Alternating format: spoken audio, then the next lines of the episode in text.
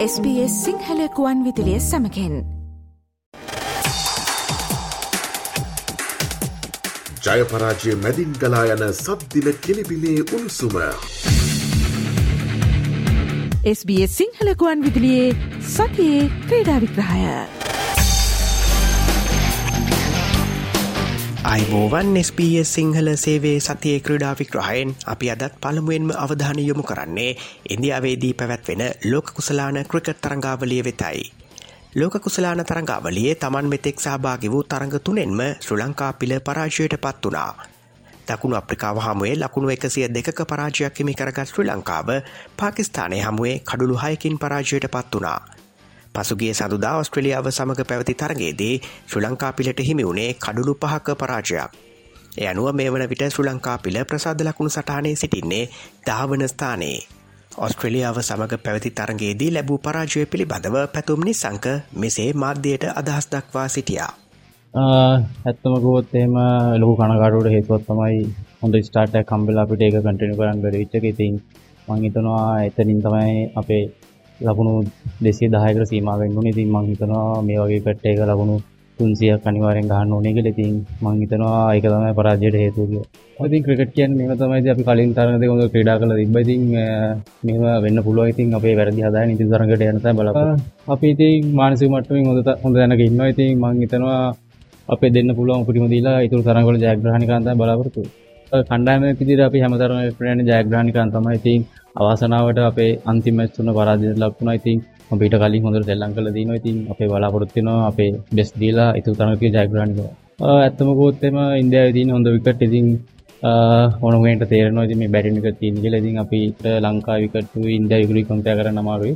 ඉතින් මම හිතනවා මේ හොඳ විකට් වල අපි ගහලා තියෙනවා. ඉතින් අපි ප්‍රූව් කරලා පෙන්නලා තියෙනවා. ඉතින් මේ තරඟ විතරයි අපිට පොඩ්ඩක් අත්වසුයි.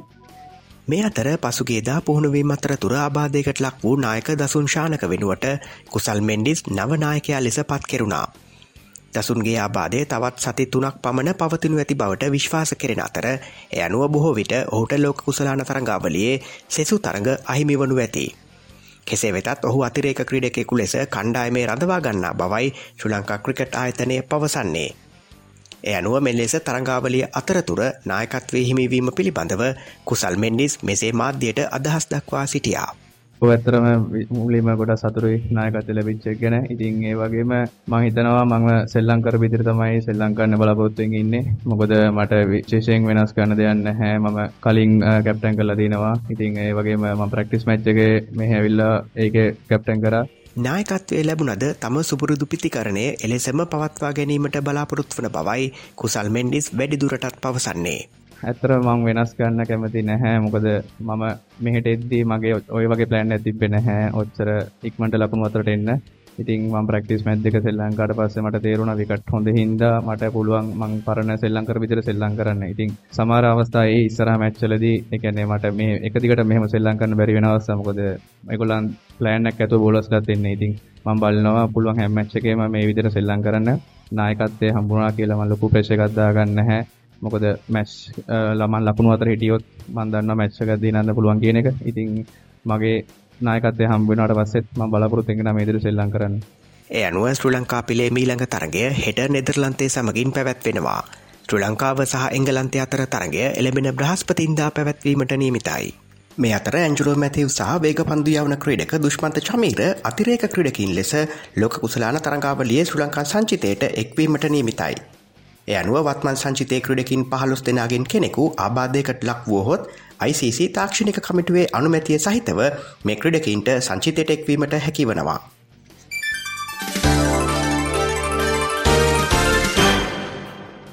ලෝක කුසලාන ක්‍රිකට් තරංගාවලිය ආසන්නේදී LPL තරංගාවලිය පැවැත්වීම නිසා ප්‍රබල ක්‍රඩකින් ආබාධවලට ලක් වූ බව ක්‍රඩාමාත්‍ය රෝෂාන් රණසිංහ මහතා පවසනවා. ඔහු පවසන්නේ මෙම පරාජයන් වලට ශ්‍ර ලංකා ක්‍රිකට් ආයතනය වගකිව යුතු බවයි. අපි ලෝක කුසලානේ කටේ තියාගෙන ගැහුවා LPL. මොකද උනේ ප්‍රධාන පෙළේ ක්‍රීඩකයෝ පස් හය දෙනෙක් ආබාධිතයි. මොකද උනේ රට පස්සට ගියා පුද්ගලික අභිලාෂය ඉස්සරහට වුණා. මේ පරාජයන් වලට හේතුව වගකීම ශ්‍රී ලංකා ක්‍රිකට් බාර ගන්න ඕන වැරදි වෙලාවක LPL තරඟාවලිය පැවැත්තුවා. මේක තමයි මේ තරඟවල පරාජයට අපේ කණ්ඩායමේ පසුබැස්ම හේතුව. නැත්තම් අපි දක්ෂයි. මේවා විහිං කරපු වැරදි. ගිය අවුරුද්දේ ඕස්ට්‍රේලියාවට පහරපිට පහර දීලා ඉන්දියාවට පහර දීලා ආසියානු කුසලානේ අපි ගෙනාවනම් මේ පාර. මං කිව්වා LPL එකට අනුමැති අරගෙන නැහැ මේක නිසි ක්‍රමවේදයක් එක්ක පවත්වන්න. මේවා කරන්න. ඉතින් ඒවා ඇහුම්කන් දුන්නේ නැහැ සමහරක් වෙලාවට කොහෙන් ඕවා ආවරණයක් අරගෙන මේවා පැවැත්තුවා.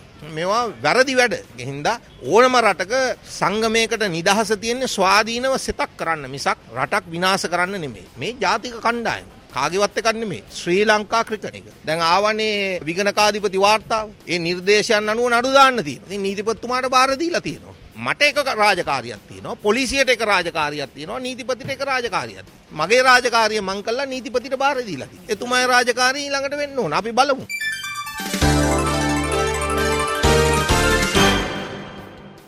ක්‍රිකට් ක්‍රීඩක ධනුෂ්ක ගුණතිලකට එරෙහිව පනවා තිබූ තහනම සම්පූර්ණයෙන්ම ඉවත් කළ බව ශ්‍ර ලංකා ක්‍රිකට් ආයතනය නිවේදනය කරනවා. මේ පිළිබඳව සොයා බැලීමට පත් කළ කමිටුව විසින් අදාළ නිර්දේශ ලබාදුන් බවයි ක්‍රිකට් ආයතනය පවසන්නේ. මෙම නිර්දේශය ශ්‍ර ලංකා ක්‍රිකට් විදායක කමිටුව විසින් අනුමත කර තිබෙනවා. කෙසේ වෙතත් ක්‍රීඩාමාත්‍ය රොෂාන් රණසිංහ මහතා පවසන්නේ මෙම තීරණය රටේ නීතියට පටහැනි බවයි. අමාත්‍යවරයා වැඩිදුරටත් පවසන්නේ ශ්‍ර ලංකා ක්‍රිකට් ආයතනය මේ සම්බන්ධයෙන් තමාව දැනුවත් නොකළ බවයි. අධිකරණයට කරුණු වාර්තා කල්ලා නීතිපති උපදෙස් එක්ක තමයි ඔහුව තහනම් කරේ. අධිකරණයේ වාර්තාවෙච්ච නීතිපති උපදෙස් මත ගත්ත තීන්දුව. තොර නැවත අධිකරණයට කරුණු වාර්තා කල්ලා මිසක් අපිට ඒක ඉවත් කරන්න තාම බැහැ. ක්‍රිකට් එක මංහිතන්නේ නීතිපය පැත්ත එතුමලම දාපු නඩුවක්. ඒ නීතිමය පැත්ත මන් දන්නේ රටේ නීතිය පැත්ත බලන්න නැතුවද කොහෙද වැඩ කරලා තියෙන්නේ ඒකයි මට තියෙන ප්‍රශ්නේ. මගෙන් අහලා නෑ මේ ගැන මොකුත්. දැන් මෙයාලා හිතන් ඉන්නේ වෙන ලෝකයක් මෙයාලට තියෙන වෙන නීතියක් ඒකනේ ප්‍රශ්නේ.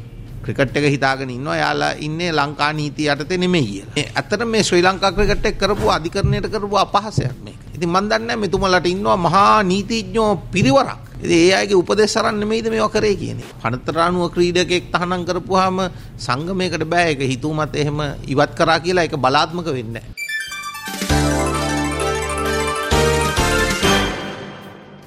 ගෙවි ගිය සැප්තැම්බර් මාසේ දක්ෂතම ක්‍රිකට් ක්‍රීඩිකාව ලෙස ICCය විසින් චමරියත පත්තුව නම් කර තිබෙනවා.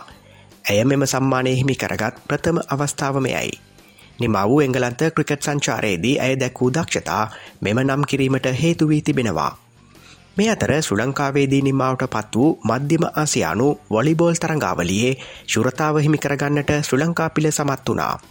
ඒ අවසන් මහා තරගේදී ප්‍රබල උස්බෙකිස්ථානු පිළ වටතුනට බිඳුවක් ලෙස පරාජය කරමින්. මෙම තරංගාවලිය සඳහා ශ්‍ර ලංකාව සමගින් උස්බෙකිස්ථානය ඇෆ්ගනිස්ථානය සෞධ්‍යරාබිය බංගලාදේශය සහ නේපාලය එක්ව සිටියා.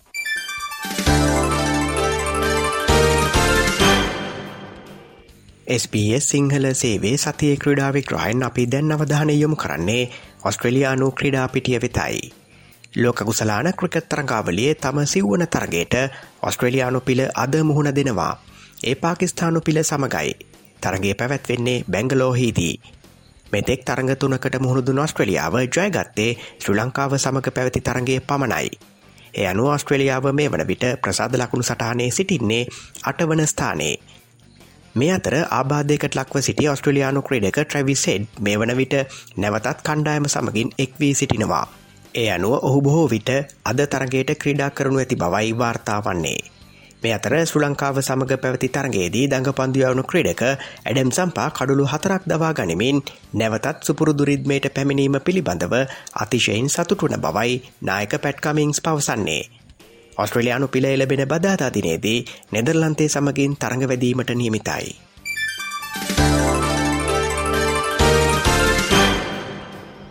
දෙදහස් විසියට ලොස් ඇන්ජලි ඔලිම්පික් තරංගාවලී සඳහා ක්‍රිකට් ක්‍රීඩාවක් කළ බව පසුගේදා ජාතියන්ත්‍ර ඔලිම්පික් කමිටුව ප්‍රකාශ කලා. මෙය ක්‍රිකට් ක්‍රීඩාව තවදුරටත් ජාත්‍යන්තරය තුළ ප්‍රචරිත කිරීමට වැදගත්වන අවස්ථාවක් බවයි ක්‍රිකට් ඔස්ට්‍රලිය ආයතනය පවසන්නේ. එමෙන්ම දෙදහස් විසියට තරංගාවලිය සාර්ථකත්වය මත ඉන් අනතුරුව දෙදහස් තිස් දෙක වසරේ ඔස්ට්‍රලියාවේ බ්‍රිස්බේන් නුවර පැවැත්වෙන ඔලිම්පික් තරංගාවලියටද ක්‍රිකට් ඇතුළත් කිරීමට හැකිවනු ඇති බවයි ක්‍රිකට් ඔස්ට්‍රලිය ආයතනය වැඩිදුරටත් විශ්වාස කරන්නේ. දෙදහස් විසියට ඔලිම්පික් තරංගාවලී සඳහා නව ක්‍රඩායිසව් පහක් ඇතුළත් කර තිබෙනවා. ඒ ක්‍රඩා පුවතත් සමගින් SBS සිංහල සේවේ සතිය ක්‍රඩාවිග්‍රහයෙන් අදට අපි සමුගන්නවා. හමුවමු ලබන සිකුරාදාත් සුපුරුදු වේලාවට. එතෙක් ප්‍රාර්ථනා කරනවා ජයග්‍රාහි සතියා. ජයපරාජය මැදින් ගලා යන සද්දිල කෙලිබිලේ උණුසුම. SBS සිංහලකුවන් විදිලියේ සතියේ ක්‍රීඩා විග්‍රහය.